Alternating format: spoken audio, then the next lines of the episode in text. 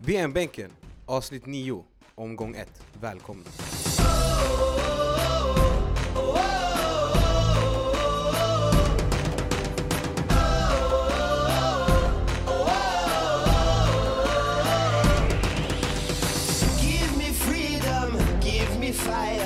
Yes, då har vi gått igenom en omgång av eh, VM och vi eh, tänkte väl, vi kan ju börja sammanfatta den första omgången och vi kan ju börja med Grupp A där Ryssland tog en stark inledning med 5-0 mot eh, Saudiarabien.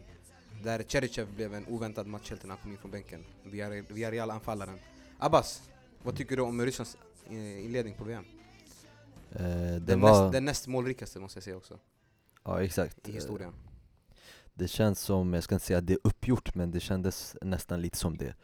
Och att många började ta in eh, Putin då, eh, Mm. presidenten, som eh, var, liksom, låg bakom hela den här. Och jag kan förstå dem, för jag tycker absolut inte att resultatet speglar eh, själva matchbilden. För om vi nu tar bort alla, om vi kollar på en highlights av matchen och tar bort alla mål som Ryssland gjorde, Mm. då skulle alla nästan med största sannolikhet säga att det var Saudiarabien som skulle vinna med 5-0 Men så var inte fallet utan det, det blev ju Du menar att Saudiarabien hade bättre spel? Eller? Jag tycker att Saudiarabien hade bättre, alltså de var bättre på allting när det kom Kontroversiell åsikt. Ja? Nej alltså på riktigt, jag tycker faktiskt det, jag tycker de var bättre än eh, alla andra och lite Och jag förstår också eh, vissa som säger att det kändes lite uppgjort Ja. För eh, lite kändes det, det kändes lite så faktiskt Men jag tänker inte ta ifrån eh, som du nämnde, hans mål var ju, de var ju väldigt fina Och eh, Zagojev, anfallaren, eh, hans VM är ju över nu, eller hur? mm. Det de sträckte? Sträckte baksida lår va? Ja det var ju något sånt va? Ja. Eh, Mustafa, Mm. vad säger du då om eh, Rysslands inledning? En stark inledning, men eh, jag tror många förväntar sig en vinst eh, av hemmanationen. Jag tycker inte det var så ganska uppgjort. Alltså Saudiarabien är ett lag som har fram och tillbaka kvalat sig till VM Mm. på ett eller annat sätt, men eh, är ju aldrig det laget som eh, på lyckas göra ett avtryck. Mm. De är aldrig någon överraskning, det är alltid det man förväntar sig att de kommer och går ut lika snabbt. Men eh, jag tycker att man ska ta någonting ifrån Ryssland, för de har väldigt många fina spelare, Mm. eh, individuella spelare och jag tycker de spelade bra kollektivt. Även om eh, matchbilden inte speglade resultatet, det här är ett VM-mästerskap. Det handlar om att utnyttja sina chanser, vara effektiv och ja, det är en match där det avgörs. Eh, Det är inget eh, turmöte liksom hemma borta. Mm. Men eh, i Rysslands fall kommer det alltid vara hemmaplan. Yes, och vi kan konstatera att på Saudiarabiens vänsterkant, där nummer 13 Yasser spelade, så var det deras bästa position, eller hur? Man of the match, Yasser va? Ah, jag skulle inte säga så. De blev attackerade från alla håll. Och eh, det är Ryssland, alltså Ryssland är inte ett dåligt lag. De har gjort det bra tidigare, andra mästerskap, men eh, nu är de på hemmaplan. Och eh, jag tycker de har många fina spelare. Inte bara Zagojev eller eh, Cherchev som du nämnde, men även den eftertraktade talangen Golovin Mm. som eh, är väldigt tekniskt bra passningsspelare, har ett bra öga för ja, passningar. Och eh, sen har de ett bra försvar där veteranen Kirkov Mm. tar eh, vänsterflanken. Och jag tycker han har gjort det riktigt bra där. Yes, och eh, Cherichev som då kanske var tänkt att vara en inhoppare under VM har ju kommit in, han gjorde ju, hur många mål gjorde han första matchen? Två mål Två mål gjorde han. Och eh, blev man of the match som sagt. Vad tror vi om honom? Kommer han eh, skina resten av VM eller?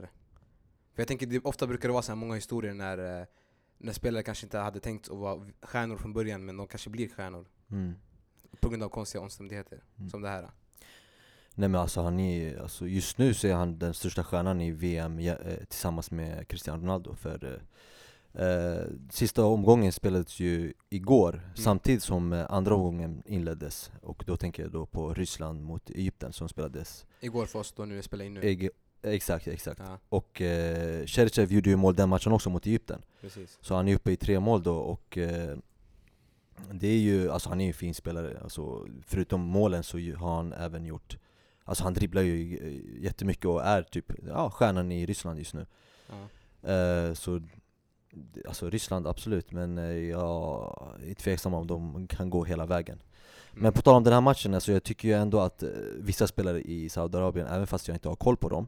Eh, bara sett till resultaten så, och vad de har gjort i deras individuella liksom, prestationer i deras klubblag som eh, Mohamed Al-Sahlawi som har gjort eh, väldigt många mål eh, Både i Saudiarabien, alltså i landslaget och i liksom, klubben då. Han var ju väldigt iskall i den här matchen och eh, gjorde faktiskt inte så mycket. Eh, Med tanke på, och jag, ser, jag sa ju också att Saudiarabien alltså spelade bättre än eh, Ryssland Mm. hemmanationen då Och vi kan ju se det också på statsen då Då de hade liksom 60 plus säkert i bollinnehav eh, Och Ryssland 40 då eh, Så har man så mycket bollinnehav men inte, inte liksom kommer till de här avsluts, avslutningslägena på Mm. Och gör det liksom, avsluta på ett bra sätt Det, det, det funkar ju inte Nej. Men eh, alltså personligen skulle jag säga att eh, de första kanske kvarten, 20 minuterna tyckte jag att Saudi såg alltså, överraskande bra ut. Mm. Hur de höll bollen, hur de spelade och så vidare. Mm. Eh, men efter det så tog ju Ryssland över skulle jag säga. Ja precis Ja, alltså jag- som sagt, det är ingen överraskning för mig. Mm. Alltså det är, det är sånt här äh, lag vill och de förväntar sig en sån matchbild. Men eh, jag kan säga att Ryssland spelar på ett sätt där de vill få ut resultat. Jag tror inte de har mycket fokus på det spelmässiga. Mm. Men ändå får du ändå mycket mål utav dem, både mot Egypten och mot Saudiarabien. Så jag känner även om andra laget har mycket bollinnehav de för spelet, målvakten blev aldrig testad. Och eh, ja, jag tycker inte, förrän nu har de inte känt sig hotade. Men jag förväntar mig när de möter Uruguay att det blir mycket tuffare. Mm. Eh, sen hade vi ju dagen efter hade ju eh, Egypten-Uruguay. En match som eh, avgjordes där på slutet. mm. Vad har vi att säga om den matchen? Alltså jag såg ju fram emot den här matchen väldigt, väldigt mycket och eh, jag kan ju säga att den absolut inte levde upp till förväntningarna för jag tyckte att Uruguay var katastrofala faktiskt. Eh, Egypten tyckte jag spelade bra, för det, alltså man har ju inte så stora för, eh, liksom förväntningar av Egypten.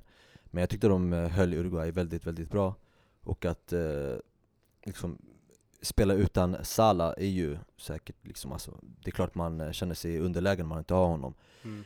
Eh, Men jag tyckte att vissa spelare där stack ut väldigt mycket och jag tänker då på Trezeguet eh, Som spelade där, eh, som gjorde det väldigt, väldigt bra tyckte jag Och eh, ja, liksom hela deras anfall tyckte jag var bra Men det finns en spelare som jag tyckte var bäst av alla men som fått mycket skit eh, Både i klubblaget och eh, bland eh, liksom, komment- eh, kommentatorerna som eh, liksom, eh, kommenterade den här matchen eh, Mohamed El Neni Mm. Eh, Jag tyckte han var fantastisk den här matchen, och matchen igår som sagt eh, För alltså, han, han gör ju ganska mycket när han har boll Men det viktiga här är, som man inte tänker, det är att han gör så mycket ut, liksom, när han inte har bollen Han springer upp och ner Alltså hela matchen och eh, levererar fina bollar. Eh, Och enda skillnaden här är att eh, de här bollarna som han levererar, de anfallarna som ska ta vara på de chanserna tog liksom inte vara på de chanserna helt enkelt.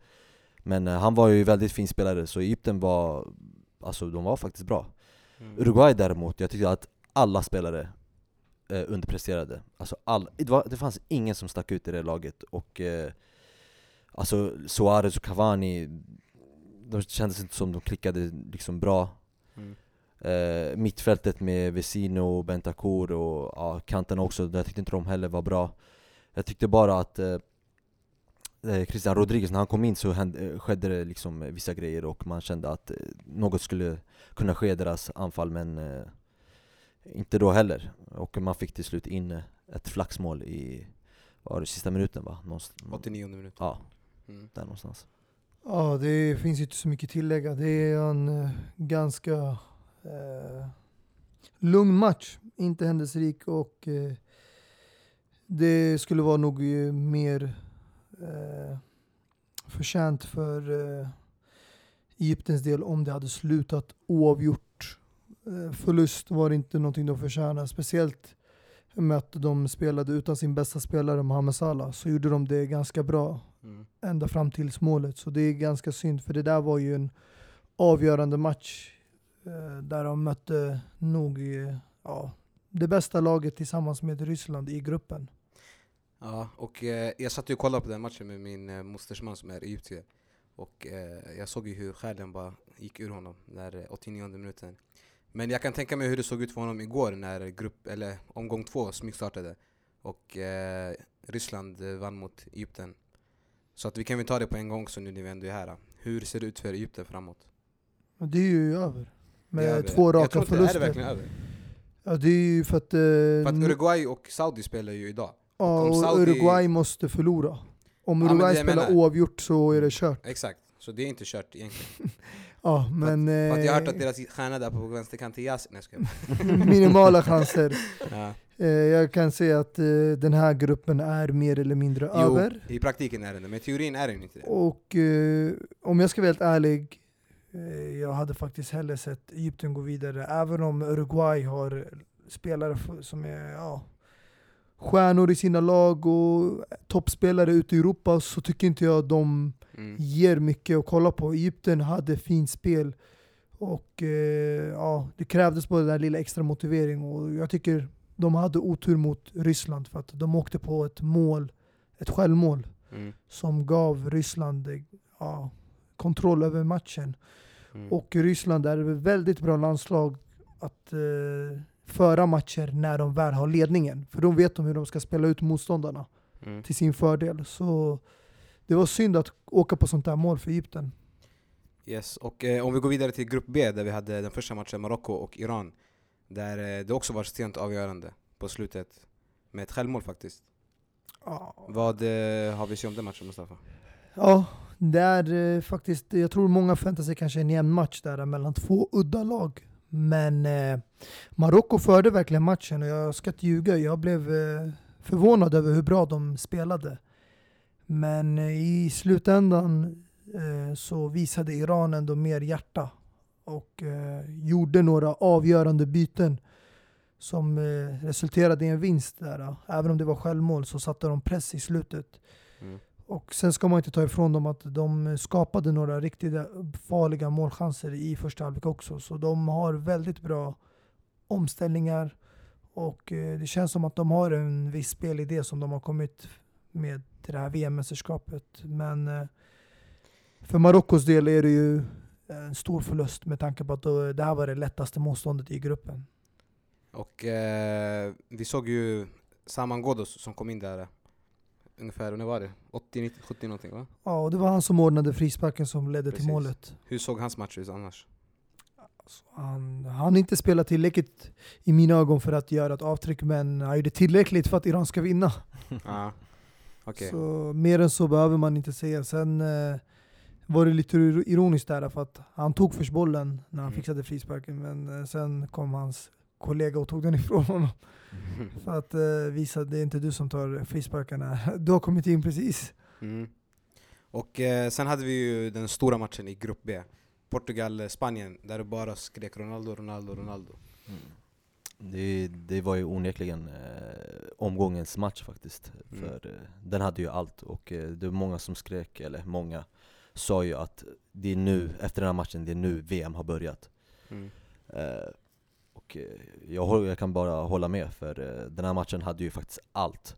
Mm. Eh, fint spel, massor, massvis liksom med chanser åt båda hållen och eh, mål framförallt. 3-3, alltså vi fick se ett, sex mål i en sån här het match. Eh, och att Cristiano får eh, göra det för Portugal, det är, ju, det är ju fint i sig. För det här, som sagt, enligt mig då, jag ser det här som hans sista mästerskap och att eh, han nu gjorde ett hattrick mot just Spanien, i det landet som han spelar i. Mm. Eh, och faktiskt, jag tror faktiskt det landet som han typ har mest agg mot, om vi Mm. nu säger så, Mm. eh, så är det roligt för honom. Eh, men, Varför Jag- ska han ha agg mot Spanien? nej, men man brukar ju ha det, inte att han... Alltså, Han har så många förstå mig rätt, spanska inte, jag menar inte kamrater. hat, jag menar, exakt, men jag menar inte hat, jag menar bara agg, för man brukar ju ha det i- det landet som man spelar, alltså den klubben som man spelar i, så brukar det väl vara så, eller? Jag tycker inte, för mig Alltså jag kan så. förstå att du menar att han vill, att han vill bevisa sig. Ja exakt, jag Varför menar inte ska han- hat, jag varför menar, ska han inte bevisa hat, sig- men inte, alltså jag menar mer typ så här uh, motivation kanske. Men varför ska han bevisa sig mot Carvajal, Ramos, Nacho Fernandes, Isco, Lucas Vasquez och Asensio? Ja, Visa dem, jag klarar mig utan er. exakt, exakt. du förklarar det perfekt, jag klarar mig utan er. Ja, men det är inte de han har bakom sig, eller Isco har han. Men resterande är inte de avgörande, det är Toni Kroos och Modric. Ja. Nej men det kan ju vara olika, av olika anledningar. Men vad tycker vi om eh, uppställningarna då? Om vi börjar med Spanien. Var det Ja. någonting som stack ut, något som eh, chockerade er? Ganska självklart uppställning, men jag tycker att eh, det är för många lika speltyper. Mm. Alltså jag förstår att man spelar med Iniesta och Isco, men att också ha David Silva. Självklart, du kan inte bänka en sån bra spelare, men de är liknande speltyper alla tre. Isco kanske det är lite mer eh, den här unga och eh, framdriven som kan eh, göra lite saker på egen hand, men eh, ja, åldern har ju hunnit ikapp kan man säga, David Silva och Iniesta. Mm. Eh, Och jag tycker att de borde kasta in lite ungkött där eh, i mitten. I form av eh, Thiago Alcantara. Jag skulle verkligen vilja se honom från start. Jag tror han skulle kunna göra det riktigt bra. Mm. Och han är en spelare som har en position där han är lite mer längre ner på banan och kan spela bredvid Busquets. Så Mm. gör han i Bayern München. Så det är därför jag vill se en sån spelartyp. Och sen kanske du kan kasta in en till offensiv spelare, en Asensio, ute Mm. på kanten och hjälpa Isco. För att nu hade de bara eh, Diego Costa och så hade de Isco, eh, David Silva, Iniesta. Och sen vem hade de bakom? Det var eh, Busquets Okej. och Koke. Förstår du? Det blev för många mittfältare. Mm. Jag vill ha mer en offensiv spelare. Det, det räcker inte bara med Diego Costa. Det behövs en Asensio eller Vasquez eller... Nu har de inte Pedro med, men de har ju Iago Aspas. Abbas, Mm. jag, både jag och du blev lite eh, överraskade när Costa startade. Men han gjorde det bra man- måste man säga. Men vad tycker du eh, om den positionen? Jag måste bara fråga en grej där. Ja. Varför blev ni förvånade att Diego Costa inte, alltså, startade? jag kände inte på mig att han skulle vara en startspelare i VM, det och det. vem skulle då starta före honom? Ja du Abbas, vad säger vi? Eh, nej men det finns ju Iago Aspas som sagt. Du tror eh, att Iago Aspas skulle starta före Diego Costa? Nej jag trodde faktiskt inte det, jag trodde att eh, Diego Costa skulle spela men eh, Iago Du Aspas, det? Men Yasu sa ju... inte, inte, inte, okej, ja, jag, jag ska inte outa nu- dig här, men det är lugnt. Fortsätt, fortsätt. Ja, vi kan outa alla Det är här, ingen för vi har det Nej men jag tänkte, sparat. jag, jag, och Aspas trodde jag faktiskt om jag ska vara ärlig skulle starta. Sen tänkte jag också att de kanske spela med en uppställning utan en alltså, verkligen central anfallare. Men jag vet inte. Alltså det, jag vet hur Yasu tänker, för Ja. att det fanns vissa delar, jag vet inte om det var VM-kvalet eller gamla eh, Ja. EM-kvalet, Mm. när de inte hade riktigt bra eh, nummer nia. Precis. Och då spelade de eh, Pedro som Mm. falsk nia och det funkade jättebra. Ibland till och med testade de Fabregas, men nu har du en riktigt bra anfallare. Och vi alla såg vad han är kapabel till, mm. som du kan förlita dig på. Ja. Ska du sätta en sån spelare verkligen på bänken när du har sån kvalitet? Nej det är helt rätt, men eh, ja, han gjorde det bra i alla fall måste man säga. Men om vi kollar på Spanien då som inte hade, som spelade utan, eh, som spelade med en ny coach, Hero. Mm. jag kan inte uttala hans namn, så säger man Hero. Den gamla, Hero. Ja, skitsamma. I alla fall, vad tycker vi om hans eh, insats som tränare? Har det ändrat någonting? Var det oroligt i truppen? Hur såg, alltså, hur såg det ut? Nej det var ju väl så här man förväntar sig av eh, den andra tränaren också. Den andra, vem är den andra? Eh, Ska jag outa det här? Lopetegui heter Ja, han ja, ja. Exakt.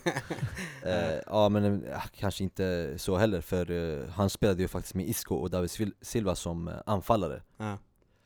I den här matchen så var det ju inte så. Men, det, det, var, det, men det är det jag menar, exakt. exakt, därför jag blev lite överraskad när Costa det var lite mer som att han slängde Iniesta lite mer uppåt än Ja. liksom, som en liksom, sittande mittfältare. Eh, och eh, det här som Mustafa nämnde innan, att spelarna är för likadana. Och, alltså jag, håller, jag håller ju med dig, men det finns ju inga andra yttrar alltså, i det här laget. Det finns ju bara Asensio och Lucas Vasquez. Och om det är de här du- man ska spela för istället för Iniesta eller Silva, så nej jag håller ju inte med där direkt, alltså egentligen. Och om att, satsa på en eh, Asensio. Asensio är mogen, han har visat sig vara eh, duktig och kunna träda fram på den stora scenen. Du måste ge ibland några unga chanser, som England inte har ett, börjat inte göra. ett VM, absolut inte ett VM. Och på tal om Asensio, absolut inte efter den säsongen han haft. Jag tycker absolut inte han haft en positiv säsong. Även fast han vann Champions League, ja han vann den på bänken. Men han vann ju, alltså han, jag trodde att han skulle explodera det här, eh, den här säsongen, det trodde väl alla. Men eh, han, han har ju suttit på bänken, eh, alltså värmt den väldigt, väldigt länge. Så att han är med i truppen ska han vara glad över. Eh, för ja, som sagt, Pedro är inte ens med. Så samma sak med honom, han satt ju också på bänken, men han spelade väl mer än Asensio också. Så Men det, alltså det handlar om att förtroende från en, förbundskapten. Landslag skiljer sig helt från klubblag. Alltså vi kan eh, kolla ett eh, bra exempel bara är, eh, okej, nu ska man inte säga eh, Nacho Fernandes är inte egentligen start. Men kolla vad han gör i Carvajals frånvaro. Han Alltså han orsakade en straff, men han bidrog väldigt mycket offensivt. Inlägg och han kom med ett mål. Av alla spelare så var det han som gjorde det tredje målet. Så det visar ändå att när de unga får chansen, i alla fall de här uh, spanska spelarna som kommer från Real Madrid, som jag har sett och följt de senaste åren, jag tycker de har gjort det riktigt bra. Jag tycker de förtjänar att få chansen i landslaget också. Mm. Ja, jag tycker att man förtjänar att få chansen i VM-kval, absolut, träningsmatcher, absolut Men när det väl gäller så ska man absolut inte chansa Uh, Och alltså Vasquez, eller vad, vad sa du? Ines, eh, Asensio och Vasquez istället för David Silva och Andres Iniesta. Nej, jag skulle nog ta kvaliteten och eh, liksom eh, det säkra kortet än det osäkra. Och jag tycker ju faktiskt att Spanien alltid har varit så egentligen. Du nämnde ju också Fabregas som spelade som anfallare. Eh, De har ju aldrig haft eh, alltså, riktigt duktiga yttrar Spanien väl? Ja, Det är om du går de ja, om du går tillbaka väldigt långt bak i tiden så David absolut. Villa och Torres tillsammans. Den Ja, där tiden. anfallare, men yttrar tänkte jag på, alltså vem, vem har man nu? Jesus Navas? Men David är- Villa var det när han blev den här yttern när han spelade med Torres. Han hamnade mycket ute på kanten, vek in och sköt de här placeringsskotten. Men jag tycker Portugal förtjänar det här, här krysset. Jag tycker de visade så hjärta. Många pratar om Spanien hit, Spanien dit. Och jag tror att Spanien har gjort ett stort misstag i att sparka Lopetegui för att han hade byggt upp det här spanska laget. Det är han som har tagit dem igenom hela det här VM-kvalet. Mm. Och hans statistik talar för sig själv. Han har, inte, han har bara vinster och fyra oavgjorda. Inte en enda förlust. Och även om han skrev på för kontrakt med Real Madrid, jag tycker en sån situation bör man kunna komma undan med med tanke på det han har byggt upp med det spanska landslaget. Och hans kontrakt skulle ändå gå ut efter VM. Han har inte skrivit på en förlängning. Bara Didier Deschamps gjorde en förlängning och har skrivit på till 2020, så varför ska han inte kunna signa med en klubblag när han är klar med landslaget efter VM-mästerskapet? Jag tycker det är okej, han släppte ut det i presskonferensen sent och det var ganska tidigt alltså, inför VM, bara några dagar, men Mm. åtminstone han blev erbjuden ett jobb, han tog det och han var ärlig med det, han gick ut. Ja det är fel, det är Och så det- fel som det alltså, Men jättemånga spanska alltså, spelare i den här truppen i omklädningsrummet gick emot deras beslut att kicka honom. För att de har byggt en bra relation. Men styrelsen som sagt vill visa att det här är så det fungerar, du kan inte hålla på på det här. Så de, jag förstår, de vill sätta en gräns. Du kan inte hålla på och leka på det här sättet när du tränar landslaget. Men om inte folk tror på det, jag tror starkt på det och jag tror den här matchen var ett tecken på det. Det här kommer påverka spelarna mentalt. Även om folk säger det syns inte under matchen. Jag ser det i alltså bara attityden, hur de spelar. Alltså vissa spelare kanske, som Diakosta Costa kan man inte märka av, för att de, de där spelar med hjärta oavsett vad som har hänt utanför planen. Men andra spelare märker man klart och tydligt på att det är inte samma känsla. Mm. Nej men det är så fel som det, alltså, så, så, så det bara skriker om det alltså att du annonsar det precis innan VM Alltså jag, jag, kan inte förstå hur folk kan stå bakom det för Vad är grejen om du bara signar ett kontrakt och håller tyst om det tills VM är över? Det skulle ju vara så, så, så mycket bättre än att du bara går ut med det just nu För som sagt, nummer ett Du visar bara på, att- på att du har liksom fokus på något annat Du har haft fokus på något annat det är nummer ett, det är det du visar. Nummer två, det kommer komma de här spekulationerna om att ah, han kanske favoriserar Real Madrid-spelarna. För han kommer ju ha dessa spelare sen i sitt egna lag. Det kan vara, alltså det är så många frågor som, eh, som, kan, som man kan ta upp i den här grejen. Det var så idiotiskt och han förtjänar absolut att få sparken. Eh, så det är helt rätt. Många Helt säger att det var Real Madrids fel också som eh, var annonsare så liksom Mm. Men det var ju inte de som annonsade. Alltså det var ju han, han gjorde klart med det och samma dag som han skulle göra ett presskonferens där han blev klar för Real Madrid så berättade han för fotbollsförbundet, det spanska då, att han eh, har skrivit på för Real Madrid. Var det verkligen så Abbas? Det var så, och det var därför de blev upprörda, för det var så tidigt på presskonferensen att de sa okej men du, kunde inte du förhandlat ett kontrakt och gjort det här kanske några veckor innan VM? Och det är det som de störde sig jättemycket på. Ja, jag, jag vet inte om det påverkat eh, Spanien sådär mycket som du säger, alltså vi såg ju ett annat lag, eh, Japan, eh, mot, eh, eh, vilka var det nu igen? Colombia. Mot Colombia, exakt. Mm. Vi såg ju dem eh, spela, eh, de var i samma sits som eh, Spanien, då man sparkade deras tränare precis innan VM. Och Men det var inte av de samma fick skäl. en ny, va, vad sa du? Men det var inte av samma anledning som Spanien. Nej men det spelar ingen roll, kvitta, kvitta vad det är för anledning, bara att man får en helt ny tränare in, precis innan VM, och sen precis i, i deras premiärmatch mot Colombia, Ja. vinna. Men det är ju skillnad när spelarna är för Yes, idén. Men Men det, vi kommer det, komma- det är skillnad på att möta Portugal och möta Colombia. Men i alla fall, grabbar. eh, Du kan säga nu att när det är vi, nu, när, nu när vi eh, ändå håller på att spela in här så har Portugal precis vunnit mot Marocko, Mm. 1-0. Och eh, Portugal leder gruppen då på 4 poäng, Iran på 3 poäng och Spanien på 1 och Marocko 0 poäng då. Och vi alla vet vem som gjorde målet. Ja det är det som ligger upp fyra mål nu igen. Och eh, då är frågan till mig, eller från mig till er, det är hur kommer den här gruppen se ut när den är klar?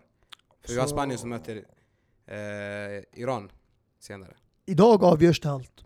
Jag Om, tror det. eh, jag tror om Iran lyckas ta ett poäng Mm. mot Spanien. Om Spanien inte vinner mot Iran, då kommer Portugal vara en klar etta Mm. i den här gruppen. Spanien kommer med största sannolikhet hamna två, för de kommer nog vinna Marocko ifall de skulle spela oavgjort mot Iran. Mm. Men risken finns ju att om Iran spelar oavgjort mot eh, Portugal, Mm. då hamnar de på lika mycket poäng Mm. som Spanien. Men då kommer det vara målskillnad och Spanien kommer eh, köra över Marocko. Men jag tror det blir Portugal och Spanien som de flesta har, Ja, förutsett. Men ja, Ronaldo som sagt kommer ju, om han fortsätter på det här sättet, slå målrekordet i VM. Och då menar jag antal mål per mästerskap.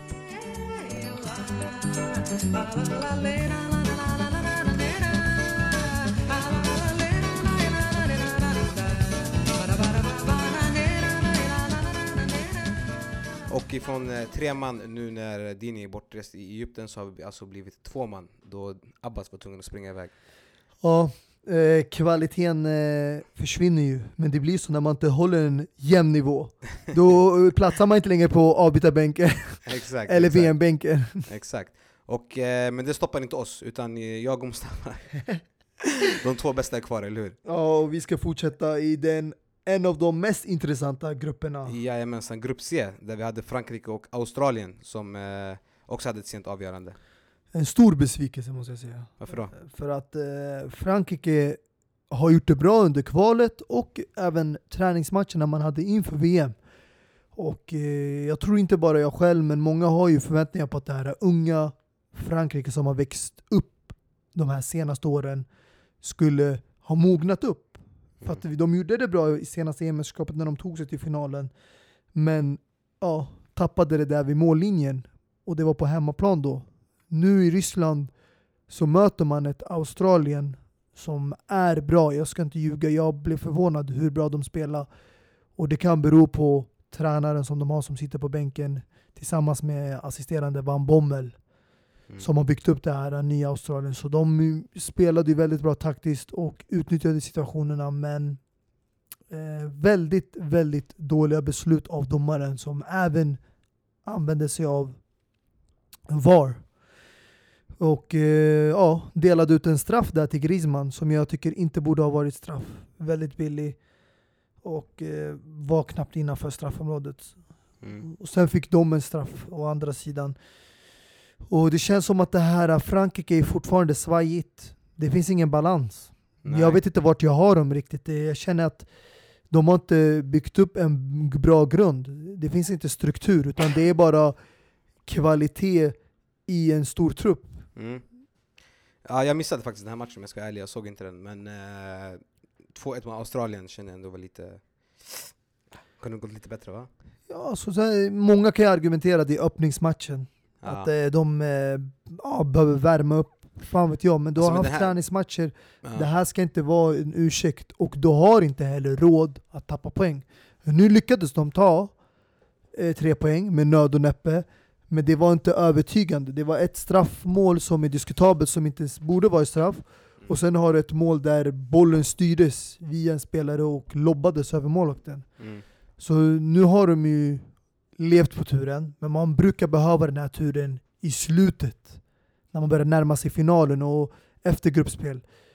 Och den här turen kommer inte de ha för evigt, utan de måste börja förlita sig på sina, sin egen kvalitet och eh, kemin i laget. Mm. Så såg vi också Peru och eh, Danmark i samma grupp då som eh, där Peru, eh, eller där Danmark vann 1-0. Och Ja. det är ju 3-3 nu för Frankrike och Danmark som ser ut att vara de självklara vinnarna i gruppen. Alltså det kan, man kan säga det nu i förväg, Ja. men eh, jag tycker Peru spelade riktigt bra mot Danmark. Skapade riktigt farliga målchanser och borde ha gjort mål. Eh, de missade ju en straff. Eh, så jag vet inte om eh, Frankrike spelar på samma sätt som de gjorde mot Australien mot Peru kan de råka riktigt illa ut. För att om de åker på en chockförlust i den matchen så kommer det allt avgöras när Frankrike möter Danmark. Och Danmark är ingenting- inget enkelt motstånd. Och då har de en förlust och en vinst. Spelar de oavgjort mot Danmark eh, och Peru vinner mot Australien, då åker de med huvudet före. Och det är, eh, ja, det är en stor skandal för det franska landslaget. För att de är favoriter i den här gruppen och de ska inte ens, ja, alltså de ska inte ens nöja sig helt ärligt med en andra plats. Första plats ska vara en självklarhet. Ja, men Mustafa, om jag säger eh, en filmregissör, en eh, skådespelare bland annat, mot eh, Messi, Agüero, Mascherano, Otamendi och grabbarna. Vad säger du då? Ska det sluta 1-1? Absolut inte. Eh, Men eh, vi pratade tidigare om Island och hur de chockerade hela Europa under EM-mästerskapet. Mm. Och jag själv nämnde tidigare att det skulle inte förvåna mig om de gör något liknande under VM. För att eh, de känns så hungriga. Och jag vet att det är bara en stor grej för dem att kvala till sitt första VM genom historien. Mm. Men för den här lilla befolkningen är det så mycket mer än vad folk anar. Och det är därför den där betydelsen att få delta, de uppskattar det mycket mer än vad andra lag gör det. Och det är det som jag tror får eh, att spela så bra. Även när de möter de bästa lagen och eh, en av världens bästa fotbollsspelare på planen. Mm. Eh, I den andra matchen där så var det ju 2-0 till Kroatien. Så deras grupp står det ju nu, alltså Kroatien har tre poäng och eh, Argentina 1 och Island 1. Hur eh, tror du att Argentina kommer köra nu mot, eh, mot Kroatien? Alltså de måste ju gå för det. De har inte råd för att oavsett vem som vinner av Nigeria och Island så kommer de ha grepp över andra plats ifall Mm. Argentina spelar oavgjort eller förlorar. Mm. För att eh, Island kan gå upp på fyra poäng och Nigeria kan gå upp på tre poäng. Det enda som skulle vara lönsamt för Argentina det var om dessa lag spelade oavgjort. Mm. Och jag tror inte det kommer bli en sån match. För jag tror både lagen, alltså Nigeria och Island, kommer gå för vinsten. Och jag tror Island är väldigt nöjda med ett oavgjort resultat mot Argentina. För det här var kanske en av deras svåraste matcher. Och eh, jag tror att nu har de ju det lättare motstånd när de möter Nigeria. Precis, det var det jag tänkte. För att nu är det ju så att eh, alltså Island och Nigeria, det är en bra match. Och det är en, jag skulle säga att nästan att Island är favoriter. Alltså, jag Jag skulle faktiskt hålla med dig, för att Ja. jag ser ingen motivation i spelarna i Nigeria. Jag ska Nej. inte ljuga, jag såg ingen Det var en vilja. jättedålig match. Jag eh, blev väldigt besviken för att jag vet att de har väldigt bra spelare Mm. eh, i den här truppen. Mm. Och många av dem startade den där matchen, så det var inte alls eh, det Nigeria som man förväntade sig. Jag menar, alltså liksom, det kan finnas en chans nu att eh, Island går upp på en eh, första plats i gruppen. Om det blir kryss i den andra matchen. Absolut. Då aldrig. kommer de ju gå upp ja, delat då med Kroatien på fyra poäng. Precis, och sen grejen är att alltså, om vi skulle säga att den håller sig hela vägen, att de slutar gruppvinnare, vilket ändå är ganska osannolikt. Eh, då skulle de ju få möta någon av, om vi säger att Frankrike vinner sin grupp, då har de ju Peru, Danmark eller Australien. Vilket också är, inte är en jättesvår match. Nej, jämfört exakt. med vad de kunde fått. Alltså det är ju det, de har, eh, de har oddsen på sin sida Ja, just verkligen. nu. Ja.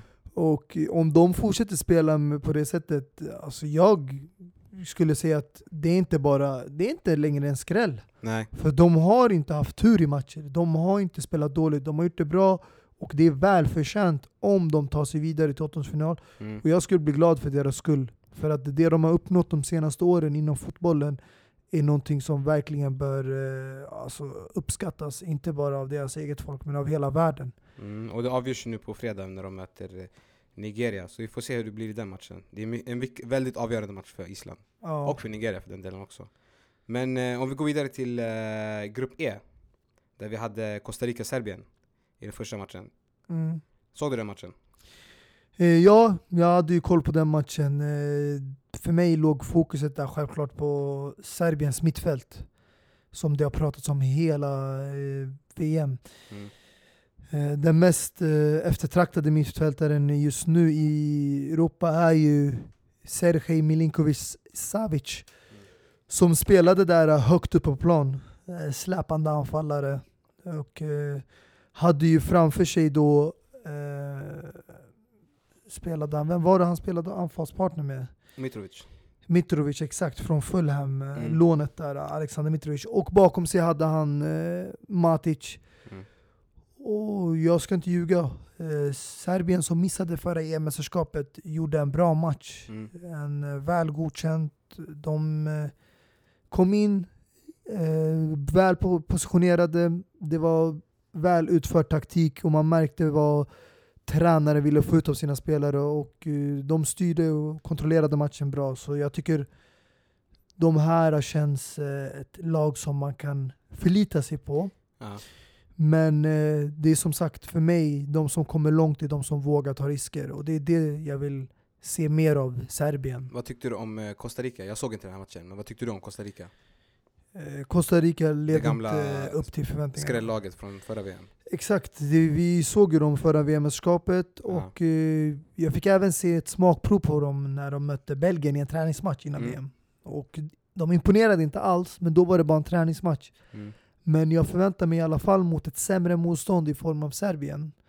Så ska de ändå kunna ge dem en match. Men de hade ett par farliga chanser, men jag tror aldrig Serbien kände sig hotade. Det här var ganska, efter första målet, ganska glasklart att de skulle ta hem den här vinsten. Och eh, de spelade helt enkelt i Serbiens händer när de fick första målet. Eh, sen efter det kände man av frustrationen där av tränaren när han höll i bollen och eh, hamnade i en het diskussion med Matic och spelarna kom emellan och så. Mm. Okej, men om vi kollar på den, eh, den andra matchen i Grupp E. Brasilien-Schweiz, som jag tror många blev överraskade av. Uff, det där... Eh, ens, nationen som eh, är Ja. väl högst eh, på listan när det kommer till favoriter att vinna VM. ja, precis. Ja, eh, vad ska man säga? Alltså, man ska inte säga att de mötte ett dåligt lag. Ja, inte ens Jesus kunde rädda dem på anfallet. Så att, eh, vad tycker vi om eh, den här matchen? För det kändes ju som att eh, Schweiz gjorde det väldigt bra. De gjorde det bra, man ska inte ta det ifrån dem. De eh, kom ut och offrade mycket. Man fick se deras yttrar, eh, bland annat Shakiri, verkligen falla ner långt på banan och kämpa och slita för eh, laget. Och det är så man ska göra om man ska kunna ta ett resultat från ett lag som Brasilien. Däremot kändes det som att Brasilien eh, inte levde upp till förväntningarna. Jag tycker inte någon var bra i det där laget, även om eh, eh, de gjorde ett mål och tog ledningen och de var aldrig i ett underläge så var det inga spelare som verkligen gjorde ett avtryck och imponerade. Det var liksom ganska stelt. De försökte alltid spela genom kanten, sällan från mitten Mm. och det gjorde att Schweiz kunde läsa dem på ett mycket enklare sätt. De låste ut dem mot kanterna och då hamnade bollen oftast på Neymars kant, ibland på William. Men Brasilien, vi alla vet, det är inget lag som förut där de hade stora, starka fysiska spelare. Mm. Ronaldo, Rivaldo. Du kan inte sitta och köra inlägg och satsa på luftrummet när du har spelare som Gabriel Jesus och Firmino. Det här Nej, är mindre spelare, de gillar att spela med fötterna. nej, men vi måste inte säga att Schweiz som ändå ligger på en sjätte rankning i då ligger, de gjorde det bra. Vilket i förhand är chockerande. Ja, men i efterhand inte är det. Men i efterhand så kan de förtjäna den här tillfälliga sjätteplatsen En tillfällig tills vidare och vi får se om de går vidare för att Ja. glöm inte bort att vi har Serbien i den gruppen. Precis, Serbien som, eh, som vi sa tog eh, tre poäng mot Costa Rica. Hur, eh, de möter ju eh, Schweiz nästa i match då, Serbien. Vilket är vad en tror fördel vad för tror dem. den matchen?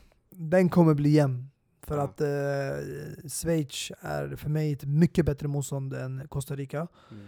Och eh, det kommer bli en jämn match. Men eh, jag tror att Schweiz kommer spela helt annorlunda än vad de gjorde mot Brasilien. Mm. För om det är någon eh, alltså, chans de har att ta tre poäng, är det nu. För då kan de säkra det när de möter Costa Rica. Mm. Men spelar de oavgjort nu, då lever de ju på att eh, Brasilien ska tappa Mm. poäng mot eh, Serbien. Serbien. eller tvärtom. För att om de båda lagen spelar oavgjort så går de ju vidare. Men grejen är att, eh, vi kommer komma in på det lite senare i grupp F, men jag tänker att eh, slutet för de här matcherna, det är ju väldigt intressant för oss som eh, vill att Sverige ska gå långt i VM. Ja, Så exakt. att, eh, jag menar liksom, om Brasilien kommer två i den här gruppen, och Sverige kommer två i våra grupp, det är, skit, alltså, det är jättebra. Det är, det är faktiskt en fördel. Så det är därför om vi svenska fans vill Ja. att det här ska hända så ska vi hoppas på att Serbien vinner mot Schweiz. Precis. För gör de det, då har de sex poäng och behöver bara spela ett oavgjort mot eh, eh, ja, Brasilien då. Precis. Så vi alla samlas i Kungsan alltså och kollar på den matchen. Serbien. Självklart. Yes, men om vi går vidare då till, eh, till nästa grupp. Där vi hade den första matchen så hade vi Tyskland-Mexiko, där Mexiko tog en överraskande seger mot eh, Tyskland då. Jag tror alla ute i världen frågar sig själva vad hände? vad hände där med eh, Tyskland? Ja. Eh, det är alltså helt ofattbart. Jag tänker liksom, många pratar om att man har lämnat ut vissa spelare från truppen. Ja, Som eh, vi pratade om tidigare, exempelvis Leroy Sané. Precis. Men jag tror absolut inte En det där var skulle, han avgörande. skulle kunna ha kommit in och gjort skillnad faktiskt. Han skulle kunna vara en spelare som man kastar in, absolut. Men var han en avgörande spelare till att de förlorar, skulle han ha gjort den skillnaden att de istället vinner? Det tror jag inte. Jag tror ändå Mexiko hade en plan när de kom in, för de vet att Tyskland är ett bollförande lag. De är, gillar att ha bollinnehavet. Och de spelade kontringar, men de vågade också ta risker, för att de lämnade många spelare där uppe. Mm. Så när de väl vann bollen i sitt eget straffområde på sin egen planhalva så hade de många spelare där uppe som var förberedda på att ta emot bollen och ställa om. Och det gjorde att de alltid hotade på kontringarna.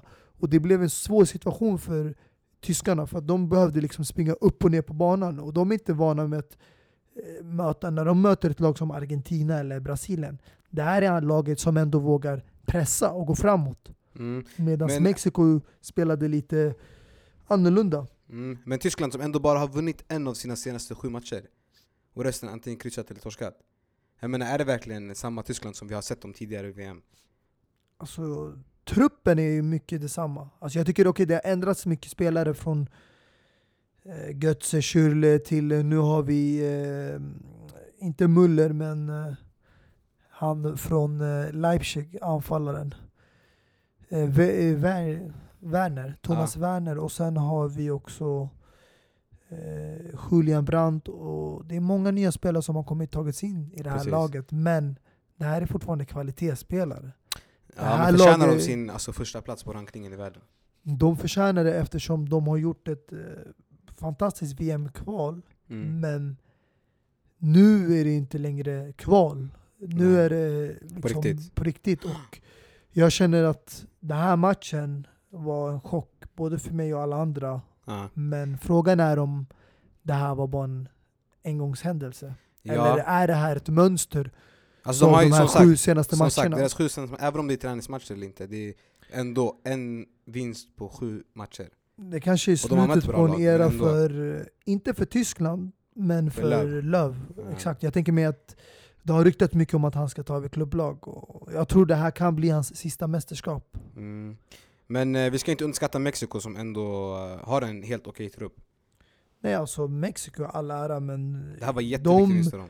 spelar riktigt fin fotboll när de väl har bollen och eh, vet hur de ska spela ibland mot eh, olika motståndare. Och jag har sett matcher i, när de har mött eh, USA, när de har mött latinamerikanska lagen, Brasilien, eh, Colombia, Argentina. De har gjort det riktigt bra. Mm.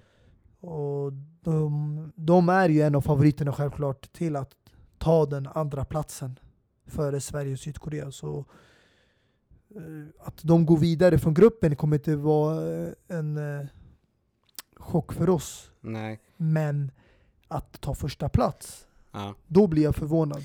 Precis, men sen hade vi ju också, om vi går vidare till eh, den, våra då, Sverige-Korea, Sydkorea. Då hade vi ju en, eh, alltså en stark inledning av Sverige som inte hade vunnit en inledningsmatch på jag vet inte hur länge. På VM. 50 år säger 50 de, år sedan det. 19, eller 54, nej, sedan 1954 var det då man senast vann VM-premiären. Precis. Och det var ju en, eh, alltså Sverige var ju, alltså jag var ju inte orolig någon gång måste jag säga. Förutom något läge här och där. Ja, frågan är när Zlatan Mm. kommer eh, känna att det börjar närma sig en bragd. Ja, alltså grejen är, om vi ska vara ärliga nu, det var ju, det var ju inte anfallet, Berg och Toivonen som, eh, och Forsberg för den delen heller, som eh, gjorde någonting. Det var ju alltså kollektivet, laget och eh, bakåt liksom, skulle jag Ja, säga. men det, är- det är det vi har sett av Alltså om du, skulle, om, du skulle, om du skulle slänga in ett Zlatan i det här eh, laget, alltså det hade ju bara gått bättre. Alltså det beror på hur du ser det. Jag, jag ser det från ett perspektiv, Mm. som du bara nämnde tidigare, det kollektiva. Mm. Det nya Sverige som Janne har byggt upp, det är ett mer kollektivt Sverige. Vi får se lag där man spelar för varandra. Men ett landslag som spelar för en spelare, där spelet kretsar runt en Jo, spelare, men om vi ska vara ärliga nu, kommer ska, det ska, verkligen vara lika effektivt? Ja, men om vi ska vara helt ärliga nu, vems fel var det att det var så? Jag säger att det var Hamrens fel, jag säger inte att det var Zlatans fel. Men Zlatan har inte bara varit eh, spelare under Hamrén. Mm. Han har varit spelare med Lars Lagerbäck, Mm. och då misslyckades de att kvala till VM 2010. Ja, men hur såg det ut innan det? Innan det var det ju, eh, vad heter han, Söderqvist? Ja men inte- alltså Lagerbäck gjorde ju det, han tog ju oss till vad är det, tre raka mästerskap? Nej, Två det, eller tre? det var ju, han tog oss till EM-mästerskapen ja, Ja. men eh, VM eh, tog han inte. Eh, det gjorde han 2006. Ja, Däremot var han ju assisterande, jag tror under 2002. Men Ja. då hade de också andra spelare, vi får inte glömma nej jag bort förstår, jag, spelare jag som fattar, jag fattar. Fredrik Ljungberg, Ja, Henrik Larsson, precis. Olof Mellberg. Ja. Det här var fantastiska spelare, Anders Svensson, de här, det, Sverige har inte sådana profiler Jag fattar idag. vad du menar, jag fattar vad du menar, men jag personligen, jag ser inte att det skulle gå dåligt om man slängde in Zlatan här, jag tycker bara det skulle gå bättre. Jag tror, Självklart jag tror inte Janne dåligt. skulle vara en sån tränare som skulle alltså, kretsa spelet runt Zlatan, just eftersom att nummer ett, att han är inte lika, alltså han är inte samma Zlatan som han var förut. Så att det, det är inte samma storstjärna som förut, och plus att det verkar som att han vill att hans spel ska vara kollektivt. Till skillnad från eh, Hamrén där det Alltså jag skulle kunna Zlatan. se, jag, jag, det här kanske låter fel, men jag skulle kunna se en Zlatan på bänken. Som kommer med i landslaget, och sen Nej, på grund nej. av hans ålder, att han inte orkar spela 90 minuter, hänger och det här tempot. Men alltså grejen är, men Bara grejen, kasta okej, in nej, dem kolla kolla kolla, om vi, sista ska vara 20 ärliga, om vi ska vara ärliga, vem i det här anfallet, alltså, om, om vi tar bort det här med att Zlatan, att spelet skulle kretsa runt honom, för det tror jag verkligen inte det skulle göra. På, Mm. Till en viss nivå skulle det självklart göra det, för det är ju Zlatan. Ja. Men alltså, vem, vem skulle han peta i det här anfallet? Alltså, det Alltså, är varenda en. Jag, nej men jag, Vadå bänk? jag skulle vilja se, när Guidetti är skadefri, Ja. skulle jag vilja se John Guidetti Och Zlatan. på topp med Marcus Berg. Ja, men Jag det- tror att de skulle vara två, jag, eh, jag funderade Bra anfallspartner. Jag funderade lite på det där också, men grejen är att jag tror ju att, att alltså när han tog ut Toivonen och tog in, äh, vet han, äh, Thelin ja. Jag tror ju att det handlar om att han vill ha en target play där uppe. Jag vet, men alltså, det känns som Så att, att jag tror inte han kommer spela Berg och Guidetti Thelin tillsammans. och Ola Toivonen, det är bara huvudspel du får ut av dem. Ja. De har inte så bra fötter. Men Mm. Marcus Berg, Mm. han är både bra med huvudet i luftrummet och han är bra med fötterna. Guidetti är bättre med fötterna, men han kan hota i luftrummet. Mm. Och jag tror att Sverige är ändå ett lag som, om det är någon gång de kommer vara ute och hota i luftrummet, Ja. så kommer det vara en farlig fa- eh, fast situation, frispark Alltså, eller vi, såg hörna. vi såg ju de här fasta situationerna nu. Det Exakt. var jättemånga men de gjorde, tog inte Och nytta då kommer mittbackarna in. Ja, mittbacken, ja, vi kommer ju dit också, men låt oss avsluta anfallet först. Toivonen. Ska han spela nästa match? Nej. Ska han spela i Sverige överhuvudtaget? jag tror det här är sista mästerskapet, definitivt. Ja, det är sjukt alltså. Men i alla fall, ja. Det, ja, jag säger bara, jag, jag tycker att Mm, eh, Guidetti Mm. borde få chansen, även om inte han har gjort det kanske bra tidigare VM-kval. mm.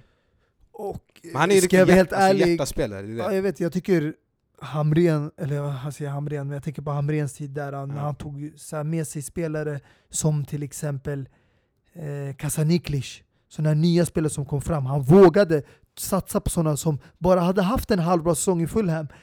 Och jag tycker liksom, eh, Janne, du Alltså, kan, Janne, alltså jag vet ja. det där, men våga ta med en spelare som kanske, Ken Sema och de här. eller Robin Quaison, Ja. som gjorde det riktigt, Janne, riktigt bra alltså, i jag- Palermo i jag Serie A. Jag vet, jag vet. Men Janne, jag, alltså jag vet inte, det känns som att han verkligen har, alltså typ så här, han har, eh, alltså han har, han har satt en grund i sin startelva.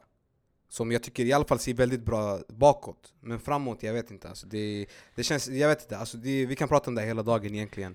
Men om vi går vidare från Berg och Toivonen i alla fall. Om vi går Mm. vidare och kollar på Forsberg, som jag tycker var alltså matchens flopp.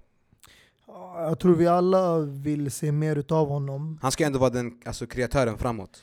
Ja, jag tror, eh, jag, nu när jag kollade den här matchen, eh, jag ska inte ljuga, jag, Sverige var det bollförande laget. De hade bollinnehav och de var de som alltid Mm. hotade och kände som att de ville gå för den här vinsten. Så jag tror Forsberg hade det lite svårt när ett lag backar hem Mm. och sitter så långt nere, för då blir det mindre ytor att bearbeta. Mm.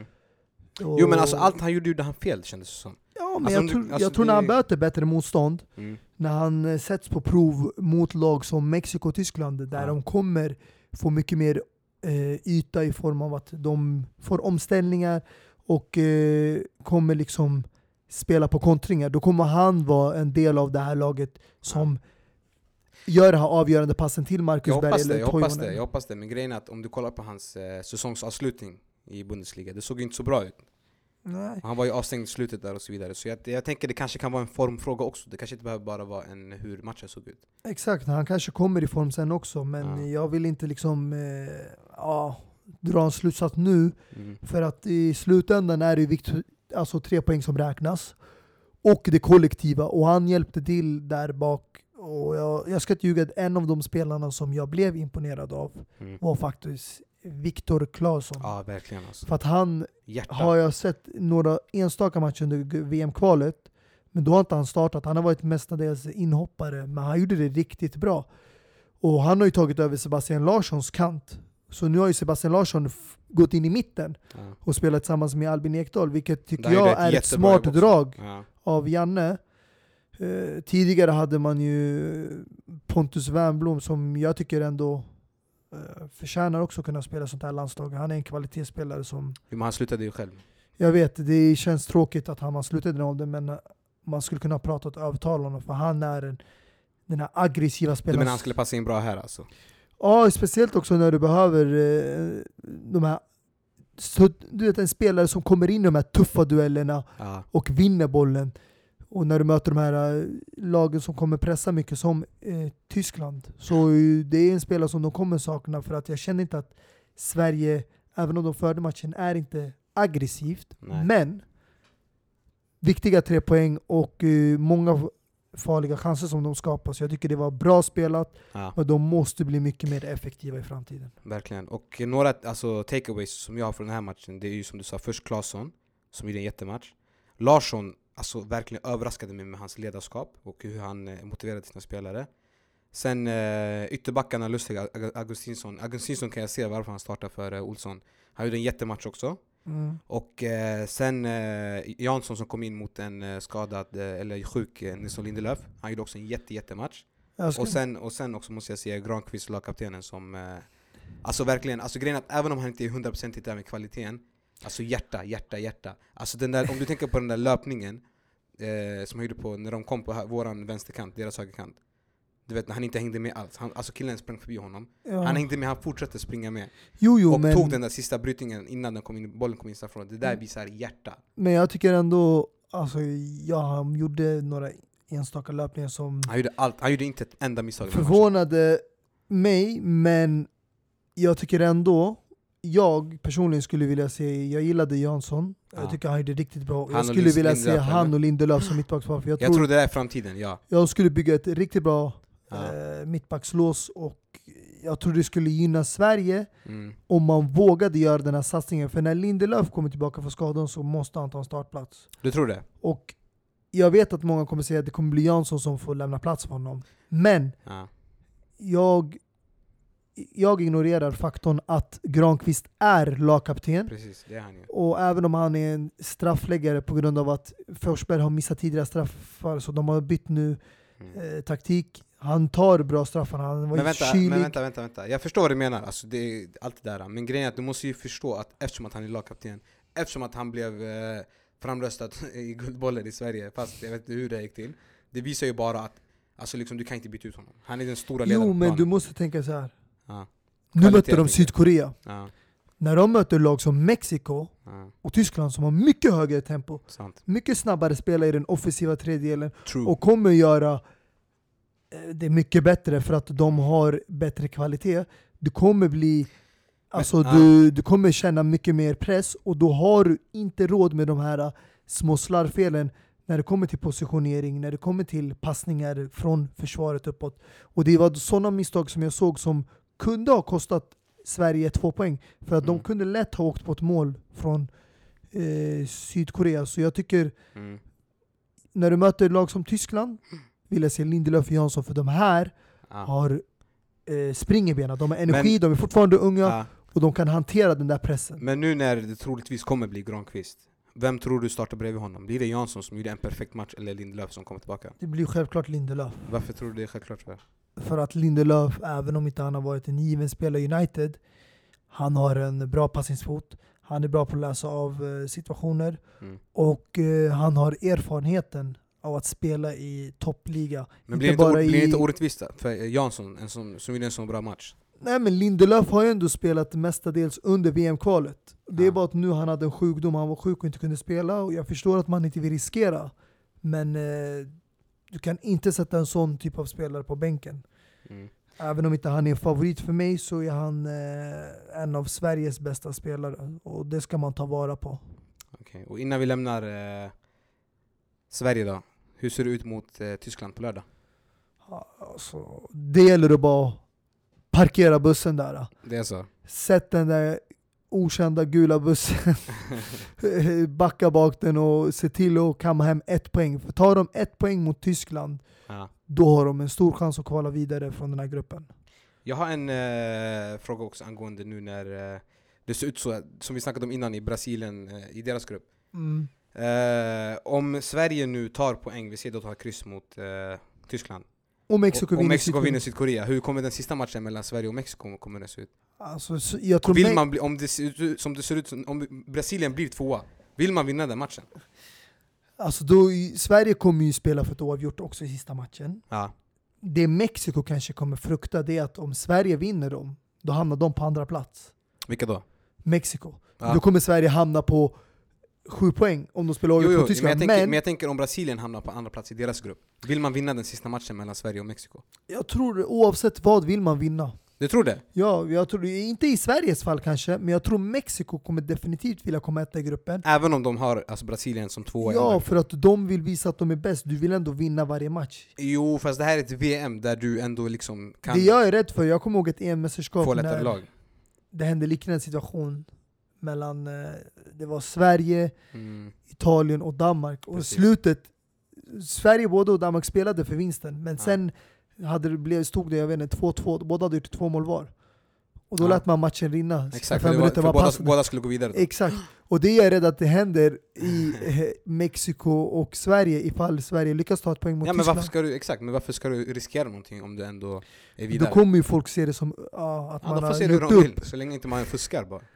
Ja, nej men Ja. det, det är det, jag vill ändå se viljan att vinna där. Man Ja. måste visa energi. Och sen om de spelar för kryss, Ja. eh, det är inget problem där alltså. Sen, Då- eh, ja, men Sydkorea då, vad har de för De möter ju Mexiko nu. Eller, ja, exakt, de Sydkorea, det är kört för deras del. Det är Alltså. Det är bara packa väskorna och förbered en tidig avgång. Det är så va? Boka om flyget. ja, Ja. det är boka om. brorsan. Ja, okej. Men eh, om vi går vidare till eh, Grupp G då. Där vi hade den första matchen, Belgien-Panama. Panama som ändå höll ut ett tag, måste jag säga. Jag ska, jag ska inte ta ifrån dem det. Många pratade om att Panama inte förtjänade att vara med i VM Mm, för sättet hur de, eh, Hur de sig vann den sista matchen. mm, När bollen inte var över. Och, ja, de tog ju helt enkelt USAs plats. ja. Jag tror USA definitivt hade gjort ett bättre VM kanske än Panama, men jag är ändå ja, jag är glad över det jag sett. Jag tycker det var en riktigt bra match. De gav dem en ordentlig match första halvlek. Mm. Och eh, även om Belgien hade ett fåtal fina lägen så var det ingenting så klart. Nej. Det var lite halvklara situationer. Och Hazard var ju inne på det. Jag tycker också Hazard, med kom, honom, Haz, Hazard kommer vi till, men fortsätt.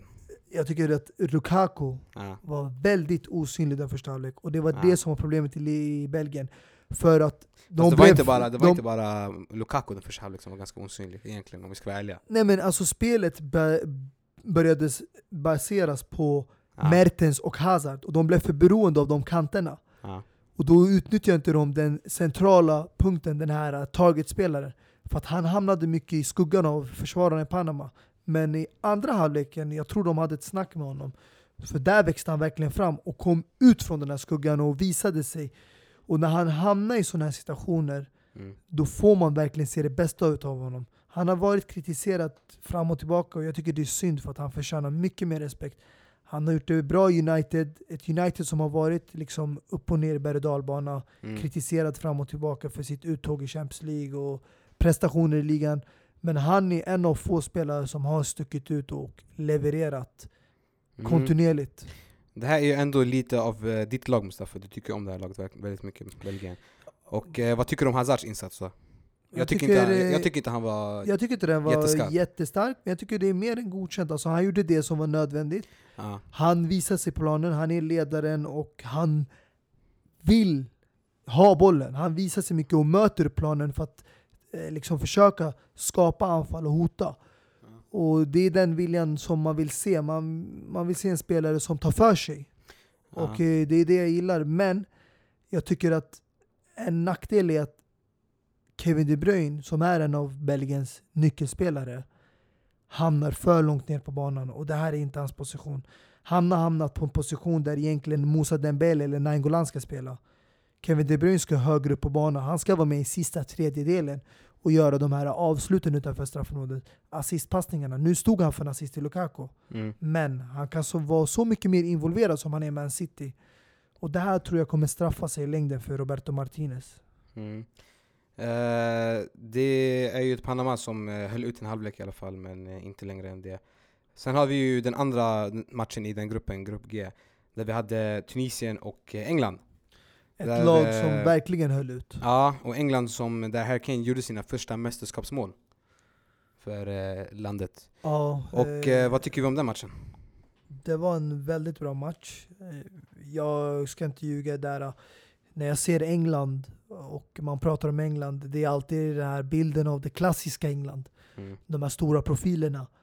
Och nu har inte de det längre. Men Nej. England spelar inte längre på det här gammaldags. Precis, och det är det jag ville Engelska komma fotboll. till. För att Gareth Southgate, han har gjort det väldigt bra tycker jag. Jag Även om inte det, han ja. ställer upp med de mest namnkunniga spelarna som han har med sig, så ställer det- han upp med ett kollektiv. Och jag tror det är det som är nyckeln. Ja, För att han vågar satsa på unga spelare. precis. Även spelare som inte har en självklar startplats i klubblaget. precis. Eller spelar i en toppklubb.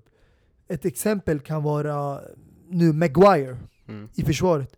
Han är en startspelare men han spelar inte för någon toppklubb. Nej. Han spelar för Leicester och han kom till Leicester efter de hade vunnit ligan. Så han har varit med ett Leicester som hamnade långt ner i tabellen Ja.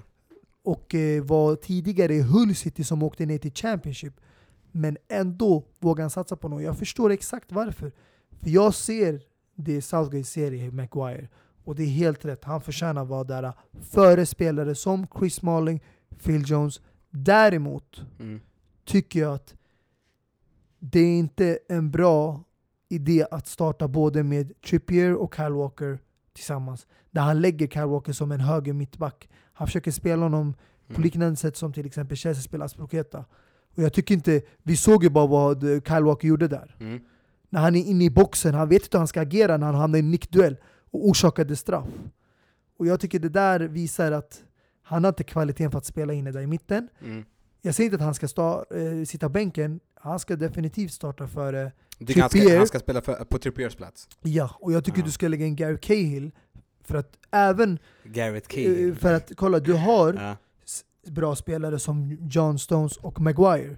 Men det är jättebra att blanda erfarenhet, rutin med nytt färskt blod som John Stones och Maguire. Och John Stones, Ja. vi alla vet, han är fortfarande i en process, ja, utvecklingsfas där han, han har gjort ett hel del misstag. Förra året och det här året i City. Och han blev petad i försvaret och har inte helt varit given i City. Han har varit fram och tillbaka in i starten. Så jag tycker han behöver en spelare som han lär sig av. Ja. Men sen hade vi också en spelare som inte är så obekant för dig. Loftus Cheek som kom in. Som du har pratat väldigt mycket om förut i alla fall. Han, Ja. eh, han gjorde ju en jättematch faktiskt. Ja, Eller det, alltså, det jag såg av honom var jättebra. Och han var ju bakom det sista målet där också. Fantastiskt. Alltså jag, om jag ska... Tror jag. Var han bakom det sista målet eller var det ett... Alltså, nej, han var ju... Var han kanske? ordnade ju hörnan var som ledde ja. till målet. Men eh, om jag ska Ja. vara ärlig, jag trodde inte han skulle få debutera i första matchen. Nej. Men det är det som är skillnaden med Gareth Southgate, Southgate tror jag. För att han är verkligen en modern tränare som verkligen inte är feg på det sättet. Exakt, och jag tycker det var väldigt vågat för att han också visade på sina byten att han tar inte bara ut spelare som han kanske vet vad han får ut av. Mm. Nej, han valde att byta ut eh, Dele Ali, Mm. Raheem Sterling. De här som man trodde, okej men Sterling kanske man trodde, han kommer inte få vara kvar hela matchen. För han är ändå en spelare som orkar löpa och spela i 90 minuter och kan vara bra att ha i slutfasen av matchen där man hinner med några omställningar när motståndaren är trötta. Men nej, han valde att byta ut de här och ändra på spelsättet. Mm. Ta in lite mer eh, annorlunda speltyp för att ändra spelsättet. Jag tycker han gjorde det riktigt bra, även om båda målen var inte övertygande. En var liksom en fantastisk räddning av Tunisiens målvakt och på Mm. returen blev det mål. Och det andra målet var en skarvnick som kom fram till eh, Harry Kane. Så det var liksom Precis. ändå två udda mål. Men eh, bortsett från målen hade England mycket fler chanser. Mm. Men å andra sidan, Ja. Tunisien eh, förtjänar att applåderas. ja, de är det jätte... Speciellt nu deras målvakt när han blev skadad och allting. Och, eh, En stark insats. Att stark. ens spela på det sättet mm. och eh, vara under pressen, hamna i ett underläge, få en målvakt skadad och ändå komma tillbaka och göra ett mål. Och sättet som de spelade sig ur pressen på sin egen planhalva Mm. förvånade mig, för det var riktigt bra. Men det var när de väl skulle börja bygga anfallen då Och- problem. då kändes det som att det var inte samma självförtroende. Det, det som att inställningen ändrats helt och hållet. Då Ja. började de bli nervösa och passa fel och kasta bort så här chanser som de verkligen kunde ta vara på och utnyttja. Ja, och England eh, som vi båda i alla fall verkar vara överens om att de har eh, Alltså de har utvecklats från det gamla England Som alltid floppade det, Nu när de har sina tre poäng och Belgien också har sina tre poäng Så känns det ju som att det är en ganska, att de är ganska liksom, de kommer gå ur gruppen känns som Och om man kollar på vilka de kan möta Det är ju Polen, Senegal, Colombia och Japan Och, Så att man ser ju kanske ett England som kanske går långt den här gången i VM Men det är det, alltså de är bra. Men jag eh, kommer komma till det senare. Ifall de går vidare så kommer det inte bli en lätt eh, väg dem till finalen. För att när du möter sådana här lag Mm. måste- måste du höja din nivå. Och eh, nu Jo mötte de, de, de kunde ju fått det mycket Alltså, svårare om de de, ut, om de inte går ut från gruppen självklart, men de mötte inte direkt högt rankat Tunisien. Det är sant Och där ska de vara mer övertygande än att behöva avgöra i 90 minuter. Så det här, ja, för det mig, är en liknande sits som tänker mer- Frankrike var i. Ja, men jag De- tänker mer bara att man fick en, eh, alltså man fick en glimt av hur de kan se ut. Ja, självklart.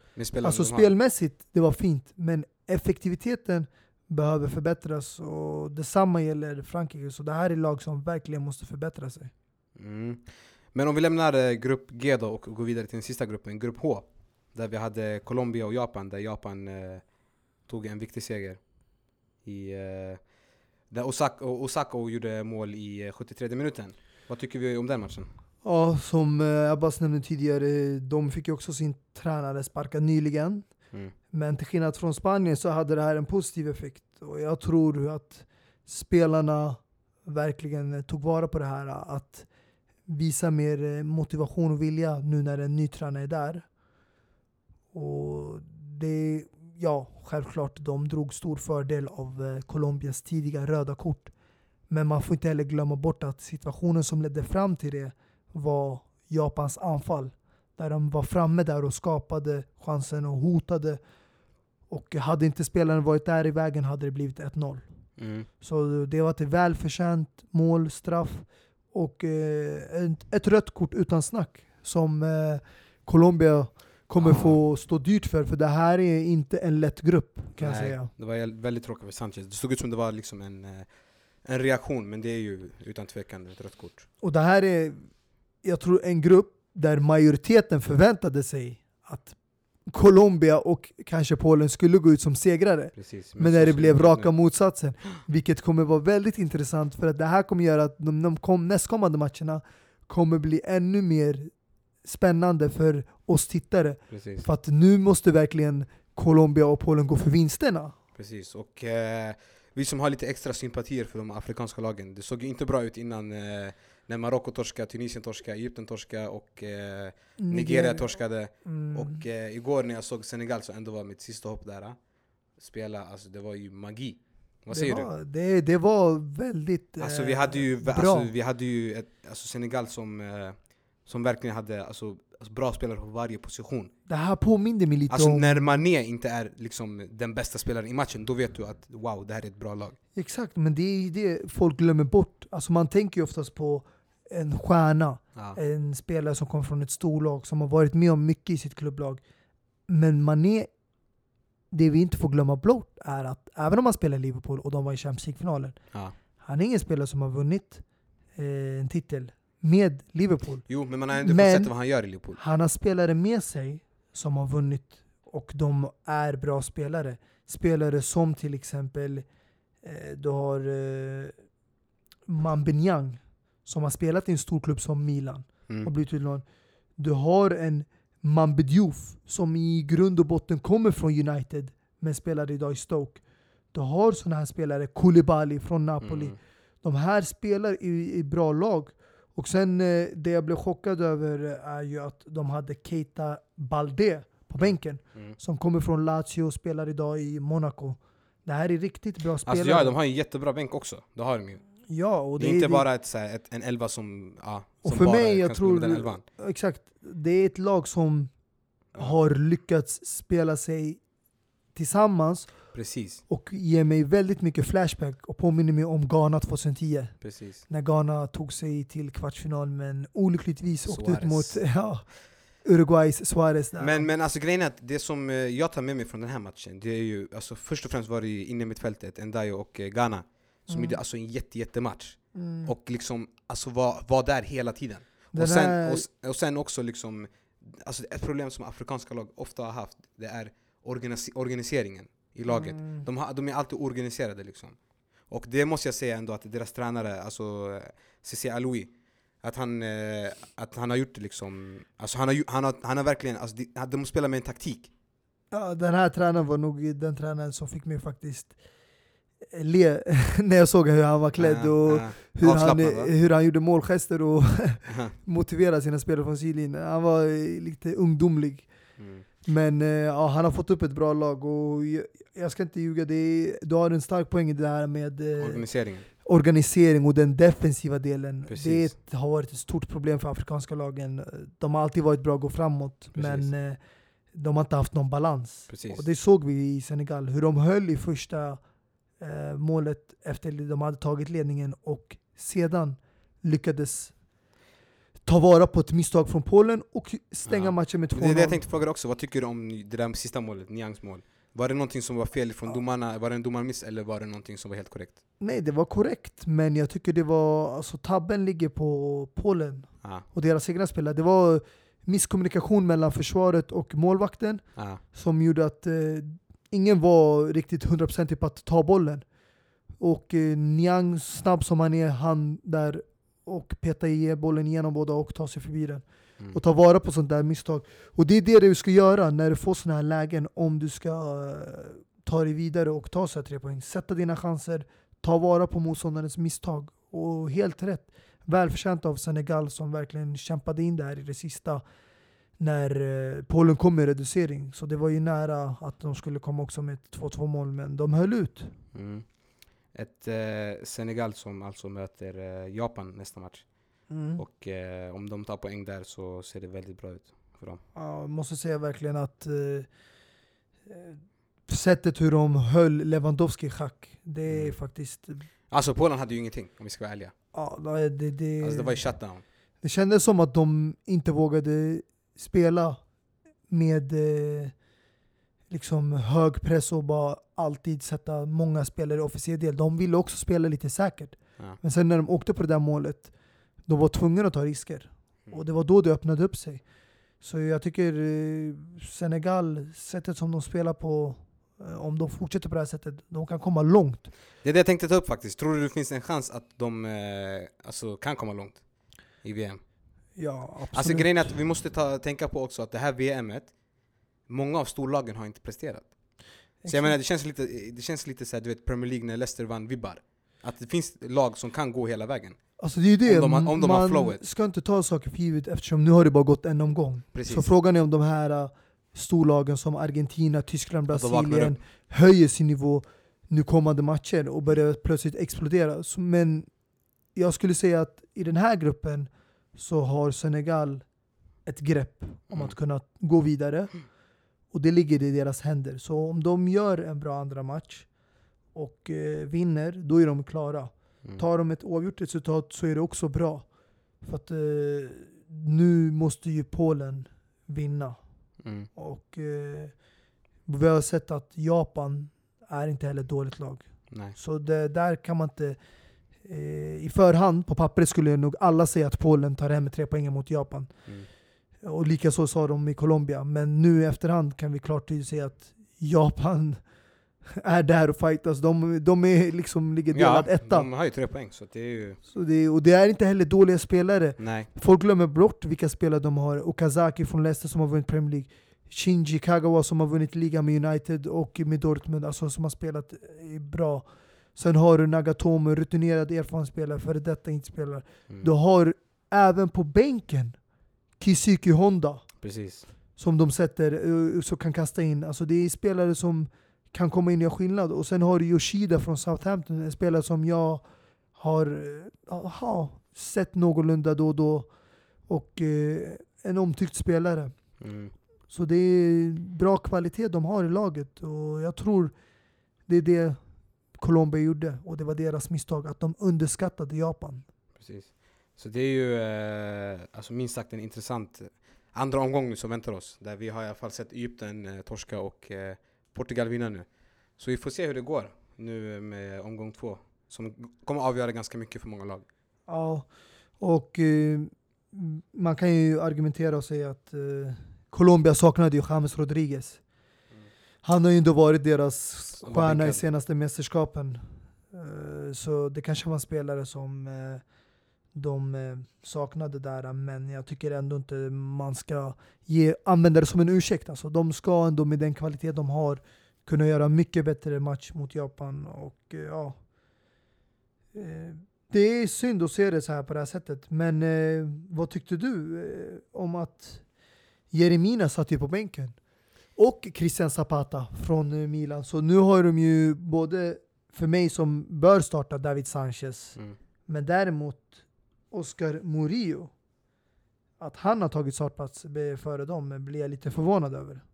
Ja, alltså grejen är att eh, Sanchez som du nämnde, han, är, alltså, han har gjort det bra i Tottenham och han verkar vara en alltså, ganska självklar spelare att starta med.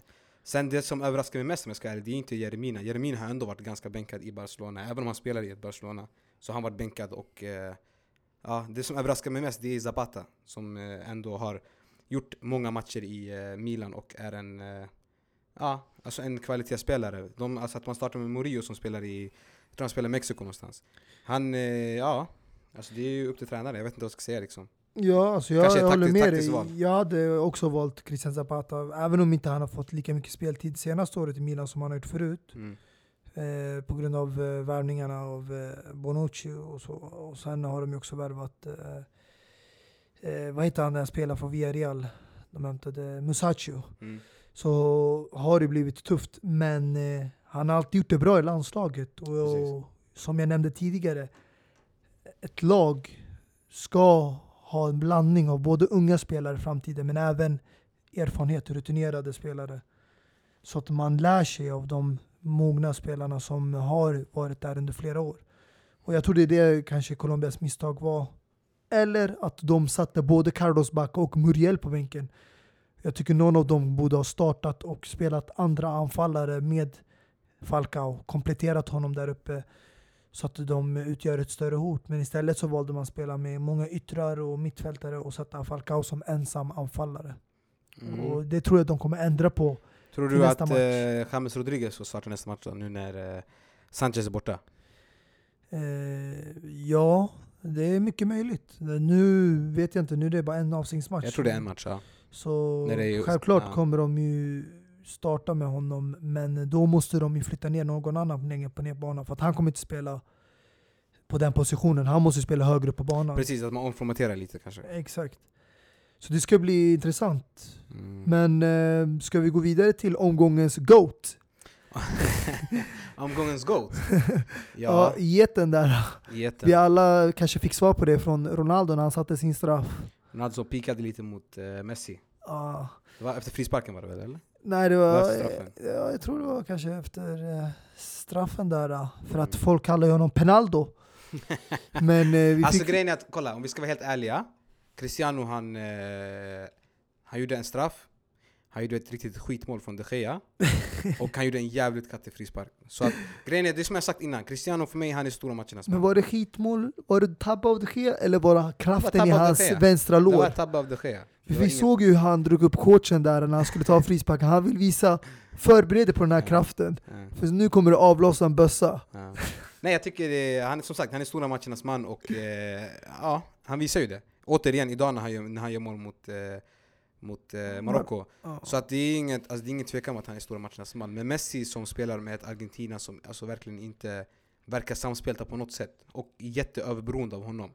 Men jag tycker ändå, Och han var jättemarkerad av Island. Jag- Island jag- gjorde en jättematch. alltså jag tycker Ronaldo och Messi Mm. är i liknande positioner. Vet du varför? Ah, jag tycker inte det alltså. För att för, sitsen... för grejen är först och främst, de spelar inte ens på samma position i sina landslag. Nej, inte positionen, men sitsen de är i. Ja, Portugal är inget övertygande bra lag som till exempel Spanien, nej, Tyskland, Frankrike. nej. De är det här, de har bra kvalitetsspelare, Ja. men det känns inte som att de alltid spelar så bra ihop.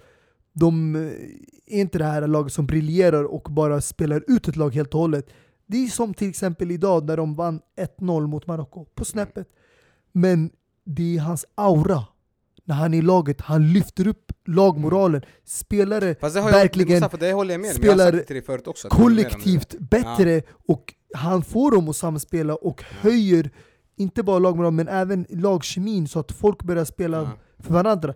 Vi nämnde Men tidigare skillnaden är att också att... Ja, skillnaden är också... Nani på bänken, Ja, vi nämnde tidigare att Quaresma är bänken, ja. man har inte tagit ut Cancelo eller vi, har Semedo. en, vi har en Messi som spelar i ett Argentina som, alltså nummer ett, är jättedåliga. Nummer två, han har tagit dem, vad är det, tre raka finaler?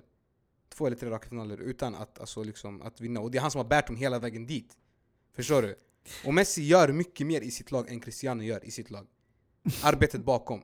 Men sen att Cristiano är, alltså, är världens bästa kanske på att göra mål, det är en annan sak Ja men alltså vet du vad grejen är? Man kan inte förneka, Cristiano har I haft, haft ett efterhand- jättebra år alltså I efterhand är det all, fall. allt enkelt att säga så. För att hade Portugal varit dålig nu, Ja. och de hade inlett dåligt de två första matcherna, då hade man sagt ja men Portugal är dåliga, det är därför Sen Ronaldo är vilja, dålig. sen skulle jag vilja se Ronaldo mot ett eh, Island som bara lägger en shutdown på hela, alltså, och lägger två, två, tre man bara på Ronaldo. Men det, det- hade, det hade jag velat Det, se det, också. kommer vi se avslutningsvis. Ja, vi får se det. Och eh, jag vet inte nu vad rekordet är på antal mål under ett hel VM-mästerskap. Mm. Jag minns att det har varit kanske fem eller sex mål under ett VM-mästerskap från en spelare. Mm. Han ligger på fyra redan, Cristiano. Han ligger redan på fyra och han har en match kvar i gruppspelet. Mm. Och de är ju redan klara vidare. Eller nej, de har ju fyra poäng men Mm. kommer med största Det blir sannolikhet intressant att se, men vi har ju också ett Argentina som eh, möter Kroatien, så att, eh, de kanske också går framåt lite mer och vi får se hur det ser ut då, om Messi får lite mer yta. Ja, eh, absolut. Jag Yes. tror ju Portugal mötte Island Mm. i EM. Men eh, Messi och straffar hör ju inte hemma. Det är inte en Ja, ekvation det var, det man var en vill... jättedåligt straff, det var det. Men eh, vi får se, Messi, the GOAT som vi kallar han, kanske göra bättre nästa match. Och eh, det var väl allt från eh, oss det här, eh, det här avsnittet om omgång ett. Och vi är tillbaka med omgång två när omgång två är spelad. Och eh, vi inleder med tre, vi avslutar med två. Så att, eh, tack för mig och Mustafa. Tackar. Give me freedom. Give me fire, give me reason, take me higher. See the champions, take the field now. Unify us, make us feel proud. In the streets, uh, our heads are lifting. As we lose our inhibition, celebration, it surrounds us. Every nation, all around us, singing forever young, singing songs underneath the sun. Let's rejoice in the beautiful game. And together at the end of the day, we all say when I get older, I will be stronger.